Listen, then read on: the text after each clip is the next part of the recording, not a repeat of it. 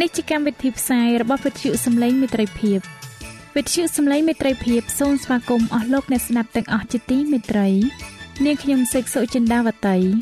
ហើយខ្ញុំបាទអង្ចាន់វិជ្ជៈក៏សូមស្វាគមន៍លោកអ្នកស្ដាប់ទាំងអស់ផងដែរនៅពេលនេះយើងខ្ញុំមានសេចក្តីសុំមនស្សរីករាយដោយបានវិលមកជួបអស់លោកអ្នកនាងកញ្ញាអ្នកស្ដាប់សាជាថ្មីម្ដងទៀត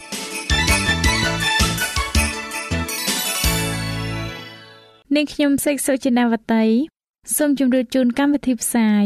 ដែលមានជាបន្តបន្ទាប់ដូចតទៅនេតិបទទំនាយនិងប្រវត្តិសាស្ត្រនេតិស្ថាបនាកម្ពុជាឲ្យប្រសើរចា៎លោកអ្នកស្ដាប់ជាទីមេត្រី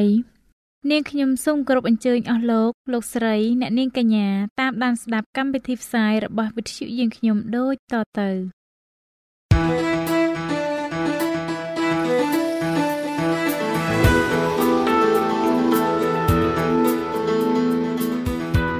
សូមជូននីតិបទទំនាយនិងប្រវត្តិសាស្ត្រ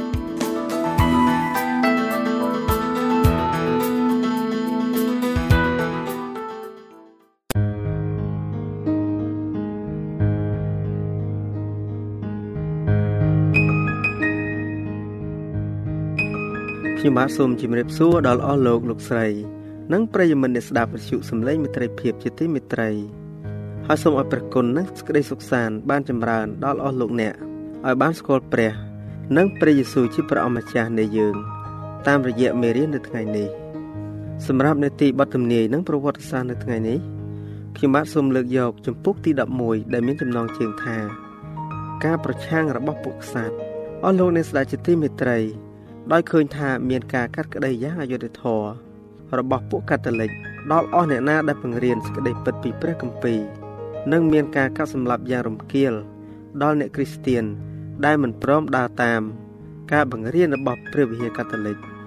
ដូច្នេះហើយបានជាមានមនុស្សច្រើនឡើងពីមួយថ្ងៃទៅមួយថ្ងៃរួមទាំងពួកក្សត្រដែលបានរួបរวมគ្នា ប្រឆាំងបះបោទាស់នឹងអំណាចរបស់វិហារកាតូលិករហូតដល់ពួកគេបានបង្កើតក្រុមជំនុំថ្មីមួយឡើង ហើយបានដាក់ឈ្មោះថាព្រះវិហារប្រូតេស្តង់បាទ ប្រូតេស្តង់មានន័យថាការតវ៉ាប្រឆាំងនឹងអំណាចរបស់កាតូលិកហើយនៅប្រទេសកម្ពុជាយើងនាពេលបច្ចុប្បន្ននេះអស់លោកអ្នកក៏បានឃើញមានក្រុមជំនុំប្រូតេស្តង់នេះដែរប្រវត្តិព្រះវិហារឬក្រុមជំនុំប្រូតេស្តង់គឺកើតឡើងយ៉ាងដូចនេះឯងទីបន្ទល់ដ៏ថ្លៃថ្នូរបំផុត ដែលត្រូវបានបន្លឺឡើងសម្រាប់គ្រប់គ្រងកំណែតម្រង់គឺការប្រឆាំងចំទាស់ដែលបានធ្វើឡើងដោយពួកក្សត្រនៃប្រទេសអាល្លឺម៉ង់ នៅក្នុងអង្គប្រជុំនីតិបញ្ញត្តិនៃទីក្រុងស្ប៉ាយនៅក្នុងឆ្នាំ1529សេចក្តីក្លាហាននិងភាពម៉ឺងម៉ាត់នៃជួនរបស់ព្រះទាំងនោះបានបង្កើនសេរីភាពខាងសម្បញ្ញៈជាលំដាប់តមកហើយបានឲ្យឈ្មោះដល់ព្រះវិហារដែលមានទម្រង់ថ្មីថាប្រូតេស្តង់សេចក្តីថ្នាក់ថ្នមថែរក្សារបស់ព្រះ បានបំបាក់កម្លាំងទាំងឡាយដែលប្រឆាំងទៅនឹងសេចក្តីពិតព្រះចៅអធិរាជឆាលទី5បានតាំងចិត្ត កំតិចកំណែតម្រង់ប៉ុន្តែនៅពេលដែលទ្រង់លើកព្រះហស្ថវាយពេលណាឃើញថាគេបញ្ឈៀងព្រះហស្ថឲ្យវាយខុសនៅពេលនោះម្ដងហើយម្ដងទៀតក្នុងពេលប្រថុយមែនតែនកងទ័ពនៃប្រទេសទូគីឬស្ដេចនៃប្រទេសបារាំងឬសម្ដេចសង្ឃផង បានលេចឡើងនៅសមរភូមិធ្វើសង្គ្រាមជាមួយនឹងព្រះអង្គឆាលដូច្នេះនៅកណ្ដាលការតស៊ូដ៏វេទនា និងកលាហលនៃប្រទេសជាតិ កំណែតម្រង់ក៏បានទុកឲ្យដុះដាលមកមុនឡើង នៅទីបំផុតសម្ដេចសង្ឃនៃវិហារកាតូលិករ៉ូមបានរករឿងទាស់នឹងពួកអ្នកកែតម្រង់ព្រះចៅអធិរាជបានកោះហៅឲ្យមានអង្គប្រជុំនីតិបញ្ញត្តិមួយ ដើម្បីជួបជុំនៅក្នុងទីក្រុងស្ប៉ាយនៅក្នុងឆ្នាំ1529ដោយមានគោលបំណងចង់កំទេចលទ្ធិបែកឆ្វេងប្រសិនបើពួកគេប្រើវិធីនេះមិនបានជោគជ័យ ព្រះចៅអធិរាជឆាលនឹងដោះស្រាយដោយប្រើផ្លែដាវវិញម្ដងអស់លោកអ្នកស្ដេចជាទីមេត្រីក្រុមជំនុំកាតូលិកនៅឯទីក្រុងស្ប៉ាយបានសម្ដែងភាពជាសត្រូវទាស់នឹងពួកអ្នកកែតម្រង់លោកមេលេងថិនបានមានប្រសាសន៍ថា យើងជាសំអប់និងជាសម្រាមនៃផែនដីប៉ុន្តែព្រះគ្រីស្ទនឹងតតមើលមករះកំសត់របស់ទ្រង់ហើយថែរក្សាពួកគេ ប្រជាជននៃទីក្រុងស្ប៉ាយបានស្រែកឃ្លានព្រះបន្ទូលរបស់ព្រះ ហើយទោះជាមានគេហាមឃាត់ក៏ដោយ ពួកគេសម្រុកចូលទៅស្ដាប់ការផ្សាយព្រះបន្ទូល នៅក្នុងព្រះវិហាររបស់សម្ដេច Frederick នៃប្រទេសសាក់សូនី ការនេះបានធ្វើឲ្យវិបត្តិមកកាន់តែឆាប់ការអនុញ្ញាតឲ្យមានការគោរពសាសនាក៏មានឡើងជាផ្លូវការពេញច្បាប់ហើយរដ្ឋអំណាចដែលកាន់ខាងការផ្សាយដំណឹងល្អបានសម្រេចចិត្តដោះស្រាយដោយប្រឆាំងនិងរំលោភសិទ្ធិរបស់ខ្លួនវិញ ពួកគូកងរបស់លោក Luther និងពួកក្សត្រដែលព្រះបានសង់ឡើង ដើម្បីការពារកិច្ចការរបស់ទ្រង់បានមកជំនួសលោក Luther វិញសម្ដេច Frederick នៃប្រទេសសាក់សូនីក៏បានសគត់ទៅប៉ុន្តែព្រះអង្គម្ចាស់ឌូកចនដែលជាអ្នកឡើងបន្តតំណែងបន្ទាប់ពីទ្រង់ក៏បានទទួលស្វាគមន៍កំណែតម្រង់ដោយរីករាយហើយបង្ហាញទឹកចិត្តក្លាហានយ៉ាងខ្លាំងពួកសង្ឃទាំងឡាយបានទៀមទាចង់ឲ្យរដ្ឋណាដែលទទួលកំណែតម្រង់ ចុះចូលនឹងអាញាធររ៉ូមយ៉ាងណាមិញពួកអ្នកកែតម្រង់ពុំអាចយល់ព្រមថារ៉ូមត្រូវគ្រប់គ្រងរដ្ឋដែលទទួលជឿព្រះបន្ទូលរបស់ព្រះទេ នៅទីបំផុត គេបានស្នើថានៅទីណាពុំទាន់មានកំណែតម្រង់នោះត្រូវប្រព្រឹត្តតាមនីតិបញ្ញត្តិនៅក្នុងទីក្រុងវើម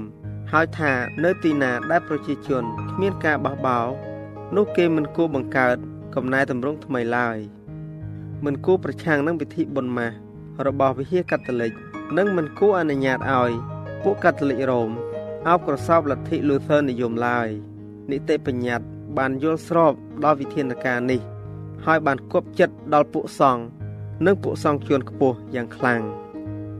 អស់លោកអ្នកស្ដាប់ជាទីមេត្រីប្រសិនបើគេបង្ខំឲ្យនីតិបញ្ញត្តិនេះ ក្នុងគណៈនេះ កំណែតម្រង់នឹងមិនបានវិវត្តទៅមុខឬតាំងនៅលើគ្រឹះតាំងដ៏មាំទេ នឹងមានការហាមប្រាមមិនឲ្យមានសេរីភាព និងគ្មានការអនុញ្ញាតឲ្យផ្លាស់ប្រែចិត្តគំនិតឡើយសេចក្តីសង្ឃឹមនៃពិភពលោកហើយបីដូចជារលាយសាបសូន្យអស់ទៅហើយបាក់ផ្សាយដំណឹងល្អមើលមុខគ្នាដោយបាក់ទឹកចិត្តជាខ្លាំងពួកគេបានឆ្ងល់ថាតើនឹងត្រូវធ្វើអ្វីទៅតើលោកប្រធានកំណែតម្រង់ចុះចូលហើយទទួលយល់ស្របនឹងនីតិបញ្ញត្តិឬមួយយ៉ាងណា គេបានធានាឲ្យពួកក្សត្រ អនុវត្តសាសនារបស់គេតាមផ្លូវចិត្តពួកសាវកបានទទួលសប្បុរសធម៌នេះ ដែលមុននឹងវិធានការនោះត្រូវបានអនុម័តឡើង គេបានអោបក្រសោបទស្សនៈដែលមានទម្រង់ថ្មីតើការនេះមិនធ្វើឲ្យគេស្កប់ចិត្តទេឬអីគេបានពិនិត្យមើលគោលការណ៍ដែលជាដំណោះស្រាយនេះដោយរីករាយហើយបានប្រព្រឹត្តទៅក្នុងសេចក្តីជំនឿតើការនោះជាអ្វីទៅ គឺជាសិទ្ធិរបស់រ៉ូមដើម្បីបង្ខំឲ្យជ្រើសរើសតាមផ្លូវចិត្ត ហើយហាមផ្ដាច់មិនឲ្យមានការសួររកខុសត្រូវដោយសេរីឡើយប៉ុន្តែមិនមែនខ្លួនគេ និងពួកប្រូតស្តង់ដែលនៅក្រោមខ្លួន ត្រូវអនុវត្តសាសនាដោយសេរីទេឬត្រូវហើយ តែនៅក្នុងនាម ជាសន្តានចិត្តមួយ ដែលបានចែងនៅក្នុងកិច្ចសម្រុះសម្រួលប៉ុន្តែមិនមែនជាសិទ្ធិទេ ការទទួលយកស្របដល់កិច្ចការសម្រុះសម្រួល ដែលបានស្នើនោះនឹងបានទៅជាការអនុញ្ញាតដោយមិនដឹងខ្លួនមួយ គឺថាសេរីភាពខាងសាសនា គួរតែស្ថិតនៅក្រោមប្រទេសសាក់សូនី ដែលមានទម្រង់ថ្មីវិញ ចំណែកឯពិភពគ្រីស្ទានដទៃទៀតនោះ ការសួរខុសត្រូវដោយសេរី និងការអះអាងថាជាជំនឿដែលត្រូវបានកែតម្រង់គឺជាអំពើអក្រិតហើយប្រទះនឹងគុកងងឹតនិងបង្គោលមរណៈទៀតផងតើគេនឹងអាចអនុញ្ញាតឲ្យមានសេរីភាពខាងសាសនា នៅតាមតំបន់បានដែរឬទេតើពួកអ្នកកែតម្រង់អាចអង្វរថា គេស្មានកំហុសអ្វីនៅក្នុងឈាមរបស់មនុស្សរាប់ពាន់នាក់ដែលនឹងត្រូវបដូរជីវិតរបស់គេ ក្នុងទឹកដីនៃកាតូលិករ៉ូមក្នុងការប្រព្រឹត្តនៃកិច្ចសម្រុះសម្រួលនេះឬពួកក្សត្របានថ្លែងថាចូលយើងបដិសេធក្រិតនេះនៅក្នុងវិស័យនៃសតិសម្បញ្ញៈមនុស្សភាគច្រើនគ្មានអំណាចទេកិច្ចការពារសេរីភាពនៃការជ្រើសរើសតាមផ្លូវចិត្តគឺជាភារកិច្ចរបស់រដ្ឋទេ ហើយនេះជាកម្រិតនៃអាជ្ញាធររបស់រដ្ឋក្នុងវិស័យនៃសាសនា ពួកកាតូលិករ៉ូមបានតាំងចិត្តនិងបំបត្តិនៅអ្វីដែលគេហៅថា ការរឹងជជែកដ៏ប្រហើនអ្នកតំណាងនៃទីក្រុងសេរីទាំងឡាយត្រូវបានប្រកាសថាខ្លួននឹងយល់ស្របដោយលក្ខខណ្ឌនៃសេចក្តីស្នើឬមិនយល់ស្រប ពួកគេបានអង្វរសូមពន្យាពេល តែឥតប្រយោជន៍ទេ ពួកគេចិត្តពាក្យកណ្ដាល បានចូលខាងពួកកែតម្រង់ដោយដឹងថា នៅអនាគតកាល គេគង់តែប្រទះនឹងការចាប់ប្រកាន់ និងការធ្វើទុកបុកម្នេញដដែលទេ មានម្នាក់បានថ្លែងថាតើយើងសុខចិត្តបដិសេធព្រះបន្ទូលរបស់ព្រះឬសុខចិត្តឲ្យគេដុតសម្លាប់ បាទអស់លោកអ្នកស្ដាប់ជាទីមេត្រីរីឯសម្ដេច Ferdinand វិញ ជាតំណាងនៃព្រះចក្រអធិរាជបានព្យាយាមប្រើការលបងដ៏ប៉ុនប្រសពមួយទ្រង់បានអង្វរពួកក្សត្រឲ្យទទួលយកស្របនឹងព្រះរាជក្រឹត្យដោយបញ្ជាក់ថាព្រះចៅអធិរាជសពព្រះハរតីយ៉ាងខ្លាំងក្រៃលែងប៉ុន្តែ ក្សត្រដ៏ស្មោះត្រង់ទាំងនេះ បានមានបន្ទូលតទៅវិញដោយសម្រួលថាយើងនឹងគោរពបញ្ញត្តិតាមព្រះចៅអធិរាជក្នុងគ្រប់ទាំងអវយវ័យទាំងអស់ដែលនឹងនាំឲ្យមានសន្តិភាព និងកិត្តិយសដល់ព្រះ នៅទីបំផុតស្ដេច Ferdinand ទ្រង់ប្រកាសថាកិច្ចដែលគេត្រូវធ្វើនោះគឺមានតែចុះចូលតាមមតិភិច្រើនតែប៉ុណ្ណោះមានព្រះបន្ទូលរួចហើយទ្រង់ក៏ដកព្រះអង្គទ្រង់ចេញពីអង្គប្រជុំទៅ ឥតទុកឱកាសឲ្យពួកអ្នកកែតម្រង់តបវិញឡើយគេបានបញ្ជូន ប្រតិភូម្នាក់ឲ្យទៅអង្វរដល់ទ្រង់ឲ្យត្រឡប់មកវិញ តែទ្រង់មានបន្ទូលតបវិញថា វាជាការដាច់ស្រេចហើយ គឺមានតែការចុះចូលតែប៉ុណ្ណោះគណៈបច្ចកភពនិយម បញ្ចូលខ្លួនគេថា ដំណើរការនៃប្រជាអធិរាជនិងមហាសង្ឃរាជគឺមានអនុភាពខ្លាំងក្លា ហើយពួកអ្នកកែតម្រង់គឺទន់ខ្សោយប្រសិនបើពួកអ្នកកែតម្រង់បានពឹងពាក់ ទៅលើជំនួយរបស់មនុស្សតែមួយគត់នោះគេប្រកាសជាគ្មានអំណាចទល់តែសោះដូច្នេះពួកកាតូលិករ៉ូមបានស្មានដូច្នេះមែនប៉ុន្តែជាជាងពឹងផ្អែកទៅលើសេចក្តីរាយការណ៍ពីអង្គប្រជុំនីតិបញ្ញត្តិគេងាកទៅឯព្រះបន្ទូលរបស់ព្រះវិញ ហើយជាជាង សូមជំនួយពីប្រជាអធិរាជឆាល គេបានទៅទូលសូមពីព្រះយេស៊ូវដែលជាស្ដេចលើអស់ទាំងស្ដេចនិងជាព្រះអម្ចាស់លើអស់ទាំងព្រះអម្ចាស់វិញ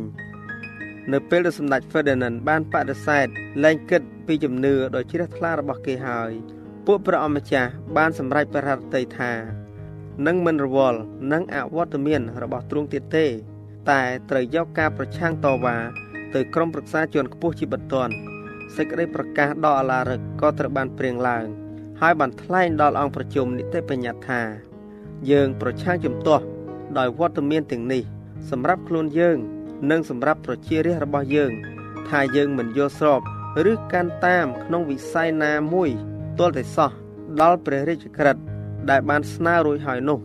ហើយនឹងមិនយល់ស្របឬកាន់តាមក្នុងអវ័យអ្វីដែលផ្ទុយនឹងព្រះផ្ទុយទៅនឹងព្រះបន្ទូលបរិសុទ្ធរបស់ទ្រង់ផ្ទុយទៅនឹងសម្បញ្ញៈរបស់យើង ហើយដែលផ្ទុយទៅនឹងសេចក្តីសង្គ្រោះនៃព្រលឹងរបស់យើងឡើយ។ដោយមូលហេតុនេះហើយយើងបដិសេធនឹមដែលសង្កត់នៅលើយើងរាល់គ្នា ក្នុងពេលជាមួយគ្នាផងដែរយើងសង្ឃឹមថាព្រះគុណនៃចក្រភពនឹងប្រព្រឹត្តមកលើយើង នៅក្នុងនាម ជាព្រះរាជបុត្រាព្រះគ្រីស្ទមួយអង្គដែលស្រឡាញ់ព្រះលើអ្វីៗទាំងអស់ហើយយើងប្រុងប្រៀបនឹងថ្វាយដល់ទ្រង់ព្រមទាំងលោកម្ចាស់ទាំងអស់គ្នា នៅសេចក្តីស្រឡាញ់ថ្នាក់ថ្នមនិងការប្រតិបត្តិដែលជាភារកិច្ចដ៏យុត្តិធម៌និងត្រឹមត្រូវតាមច្បាប់របស់យើងជួនភាកច្រើនបានពោពេញទៅដោយការអស្ចារ្យ និងការកោតស្ញប់ស្ញែងដល់សេចក្តីក្លាហាន របស់ពួកអ្នកតវ៉ាដំណើរខ្វែងគំនិតជំទាស់នឹងការបង្ហូរឈាមដូចជាកិច្ចមិនផុតឡើយប៉ុន្តែពួកអ្នកកែតម្រង់បានពោពេញទៅដោយចិត្តក្លាហាន និងភាពម៉ឺងម៉ាត់ដោយពឹងផ្អែកទៅលើព្រះហស្ថនៃព្រះដ៏ប្រកបដោយសព្វធានុភាពគោលការណ៍ទាំងឡាយដែលមានការតវ៉ាប្រឆាំងជាសាធារណៈនេះគឺជាមូលដ្ឋានដ៏សំខាន់បំផុតនៃប្រូតេស្តង់និយម ប្រូតេស្តង់និយមដាក់អំណាចនៃសម្បញ្ញៈលើអំណាចចៅក្រមហើយអំណាចនៃព្រះបន្ទូលរបស់ព្រះ លើព្រះវិហារដែលមើលឃើញតទៅទៀតការតវ៉ាប្រឆាំងនេះសមស្របទៅនឹងពួកហោរានិងពួកសាវកទាំងឡាយដែលថាត្រូវតែស្ដាប់បង្គាប់ទៅដល់ព្រះជាជាងដល់មនុស្សនៅក្នុងវត្តមាននៃរាជរដ្ឋាភិបាលនៃប្រជាឆាលទី5ព្រះមកុដនៃព្រះយេស៊ូវគ្រីស្ទត្រូវបានលើកស្ទួយឡើង ការប្រឆាំងចំទាស់នៅក្រុងស្ប៉ាយជាស្មោះបន្ទាល់ដ៏អាឡារឹកមួយទាស់នឹងការមិនអត់ទ្រាំនឹងសាសនា ហើយជាការអះអាងមួយនៃសិទ្ធិមនុស្សទាំងអស់ដើម្បីគោរពព្រះតាមសម្បញ្ញៈរបស់គេ ការពិសោធន៍របស់ពួកអ្នកកែតម្រង់ដ៏ឃ្លាខ្លាទាំងនេះ មានមេរៀនសម្រាប់គ្រប់ទាំងសម័យសាតាំងនៅតែប្រឆាំងទៅនឹងព្រះគម្ពីរដែលគេយកមកធ្វើជាផ្លូវដឹកនាំជីវិតដដែល នៅចំនួនយើងនេះ យើងត្រូវតែងាកត្រឡប់មកឯមហាគោលការណ៍នៃប្រូតេស្តង់វិញពោលគឺព្រះគម្ពីរហើយជាព្រះគម្ពីរតែមួយគត់ដែលជាក្បួនតម្រានៃជំនឿនិងភារកិច្ចសាតាំងកំពុងតែធ្វើការដើម្បីបំផ្លាញសេរីភាពខាងសាសនា អំណាចដែលប្រឆាំងជនគ្រីស្ទៀនដែលតវ៉ាទាំងឡាយនៅក្នុងទីក្រុងស្ប៉ាយបានបដិសេធចោលនោះឥឡូវនេះកំពុងតែស្វែងរកមធ្យោបាយដើម្បីនឹងស្ថាបនាដំណភាពដែលបានបាត់បង់ទៅហើយនោះ ឲ្យត្រឡប់មកវិញ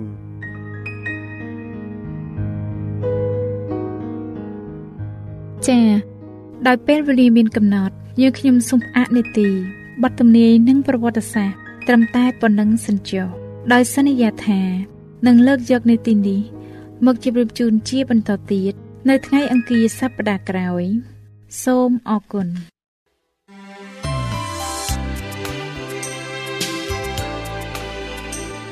វិទ្យុសំឡេងមេត្រីភាព AWR ជាវិទ្យុដែលនាំមកពីក្នុងការនាំព្រះរាជសាររបស់ព្រះជាម្ចាស់សម្រាប់លោកអ្នក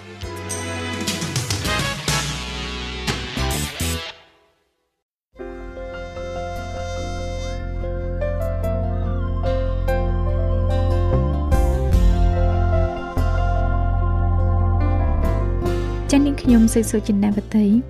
សូមជម្រាបសួរប្រិយមិត្តអ្នកស្ដាប់វិទ្យុសំឡេងមេត្រីភាពជាទីមេត្រី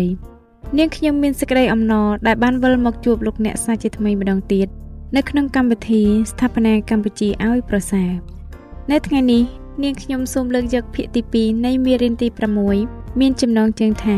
ការផ្សះផ្សាគ្នាប្រិយមិត្តអ្នកស្ដាប់ជាទីមេត្រី នាងខ្ញុំសូមរំលឹកមេរៀនរបស់យើងកាលពីភាគទី1ខ្លះៗឡើងវិញ ពីការប្រកួតប្រជែងគ្នារវាងខ្យល់និងព្រះអាទិត្យស្ត្រីคล้ายមកជាមិត្តដែលលោក Hasegawa ជាអ្នកបើកបរយន្តហោះជនជាតិជប៉ុនម្នាក់ក្នុងសម័យសង្គ្រាមលោកលើកទី2ប្រឆាំងនឹងអាមេរិកប៉ុន្តែយន្តហោះរបស់គាត់ត្រូវបានបាញ់ទម្លាក់រួចគេក៏បានបញ្ជូនទូកម៉ាស៊ីនឲ្យចេញទៅជួយសង្គ្រោះគាត់50ឆ្នាំក្រោយមក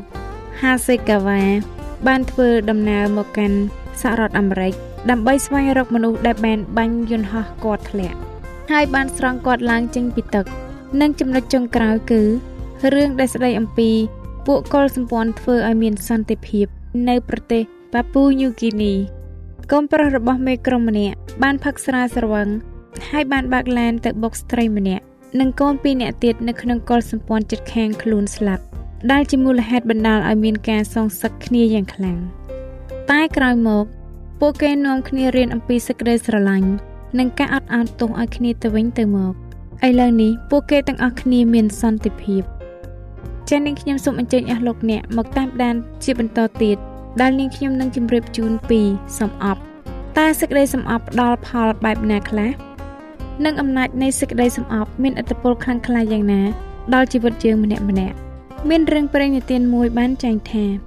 កាលពីព្រេងនាយមានឈ្មួញពីរនាក់ រស់នៅក្នុងទីក្រុងធំមួយ ដែលមានផ្ទះលក់ទំនិញនៅទល់មុខគ្នា គេម្នាក់ម្នាក់ខិតខំឲ្យមុខជំនួញរបស់ខ្លួនបានប្រសើរជាងគ្នា គេមិនគ្រាន់តែដេញជើងគ្នាដល់សាហាវប៉ុណ្ណោះទេ តែគេស្អប់គ្នាទៀតផង មានថ្ងៃមួយទេវតាបានមកឯឈ្មួញម្នាក់ដោយប្រាប់ទៅគេថា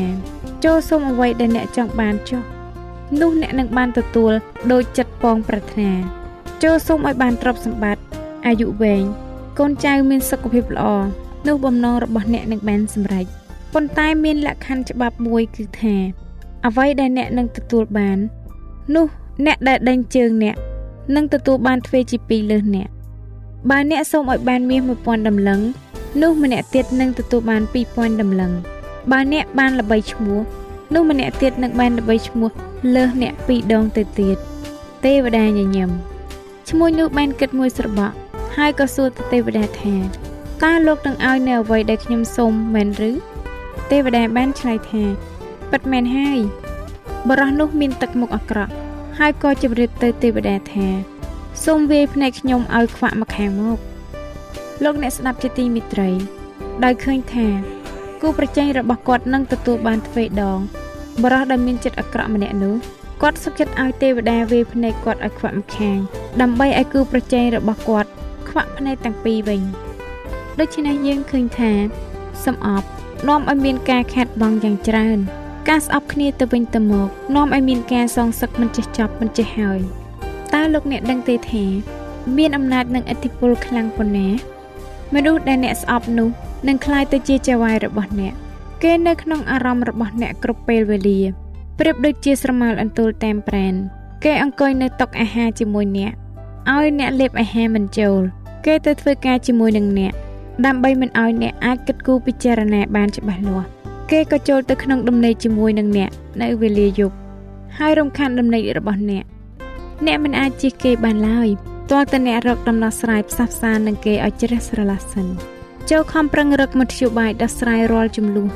ចំនួនដោយការផ្ទុកបញ្ហាសម្អប់នៅក្នុងចិត្តរបស់អ្នកកំហឹងដែលផ្ទុកនៅក្នុងចិត្តនោះនឹងនាំឲ្យមានរោគឈឺក្បាលជំងឺចាក់ច្រេះ លើសឈាម និងការដេកមិនលក់បើអ្នកមានជំងឺបេះដូងកំហឹងអាចធ្វើឲ្យអ្នកកាំងបេះដូងស្លាប់មួយរំពេចបាន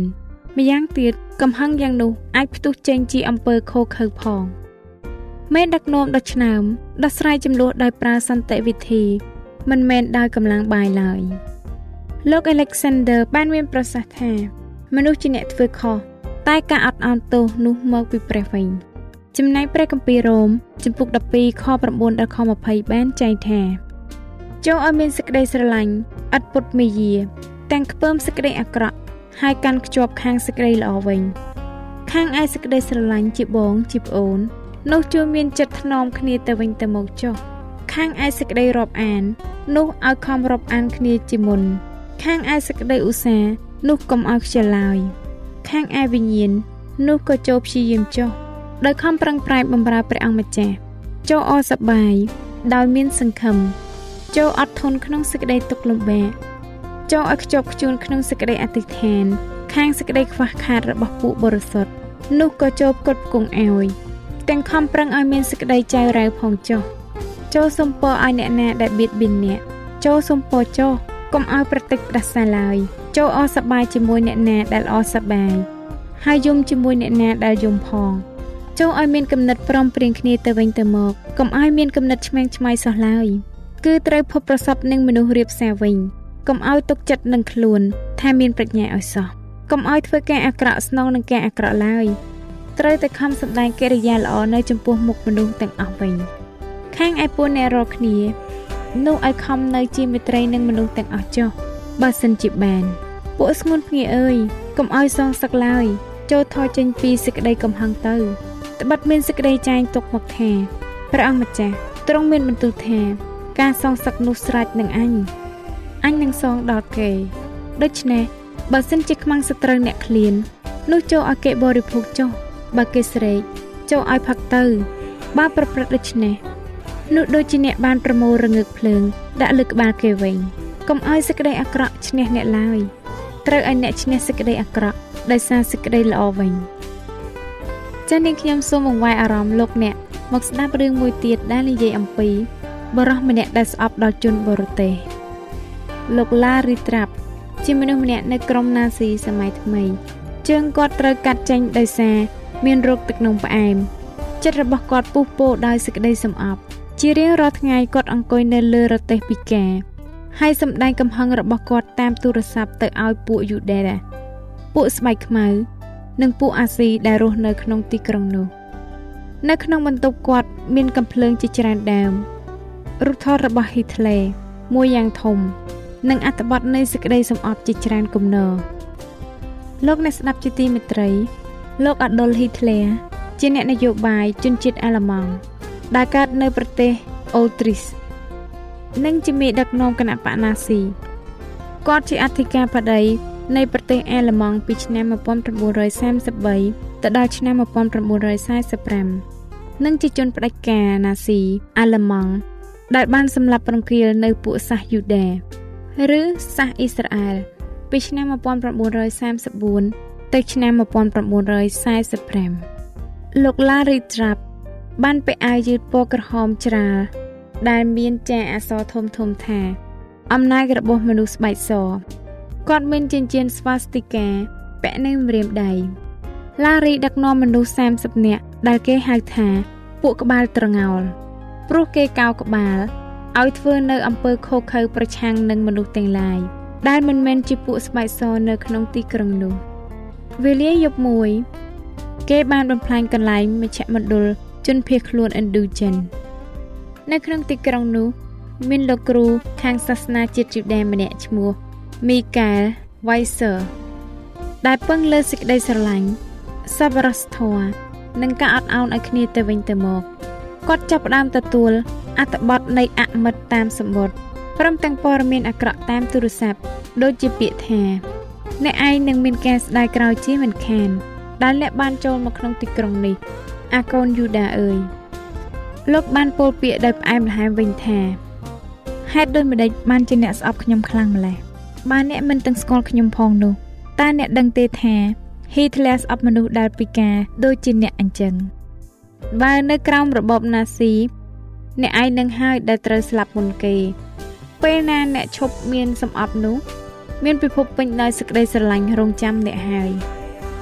ព្រះគម្ពីរសុភាសិតចំពុក25ខ21ដល់ខ22បានចែងថាបើសត្រូវឯងឃ្លានចូលឲ្យវាស៊ីចុះបើវាស្រេក ចូលឲ្យវាផឹកផងយ៉ាងនោះអ្នកនឹងបានដូចជាបង្គើរងើកភ្លើងនៅលើក្បាលវាវិញហើយព្រះអង្គម្ចាស់ទ្រង់នឹងប្រទានរង្វាន់ដល់ឯងអស់លោកលោកស្រី អ្នកនាងកញ្ញាអ្នកស្ដាប់វិទ្យុសំឡេងមេត្រីភាពជាទីមេត្រីដោយសារពេលវេលាមានកំណត់នាងខ្ញុំសេកសុចិនាវតីសូមជម្រាបលាលោកអ្នកស្ដាប់ត្រឹមតែប៉ុណ្ណេះសិនចុះដោយសន្យាថានឹងវិលមកជួបលោកអ្នកម្ដងទៀតនៅពេលក្រោយ សូមឲ្យព្រះអង្គម្ចាស់យេស៊ូវគ្រីស្ទទ្រង់បានសេរីល្អនិងសូមឲ្យលោកអ្នកបានប្រកបដោយព្រះគុណដរាបដល់អកលជានិច្ចអាមែន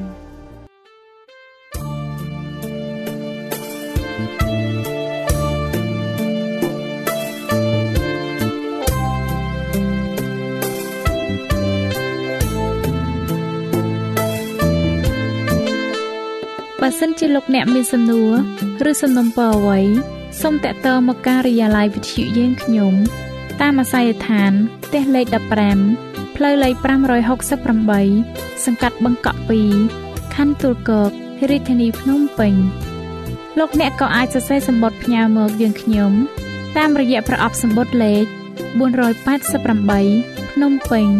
ឬតាមទូរស័ព្ទលេខ012 34 96 64ឬ 097 80 81 060ឬក៏តាមរយៈអ៊ីមែល vol@awr.org យើងខ្ញុំរងចាំទទួលស្វាគមន៍អស់លោកអ្នកនាងដោយក្តីសោមនស្សរីករាយហើយលោកអ្នកក៏អាចស្ដាប់កម្មវិធីនេះឡើងវិញដោយចូលទៅកាន់ website របស់វិទ្យុយើងខ្ញុំតាមរយៈអាស័យដ្ឋាន www.awr.org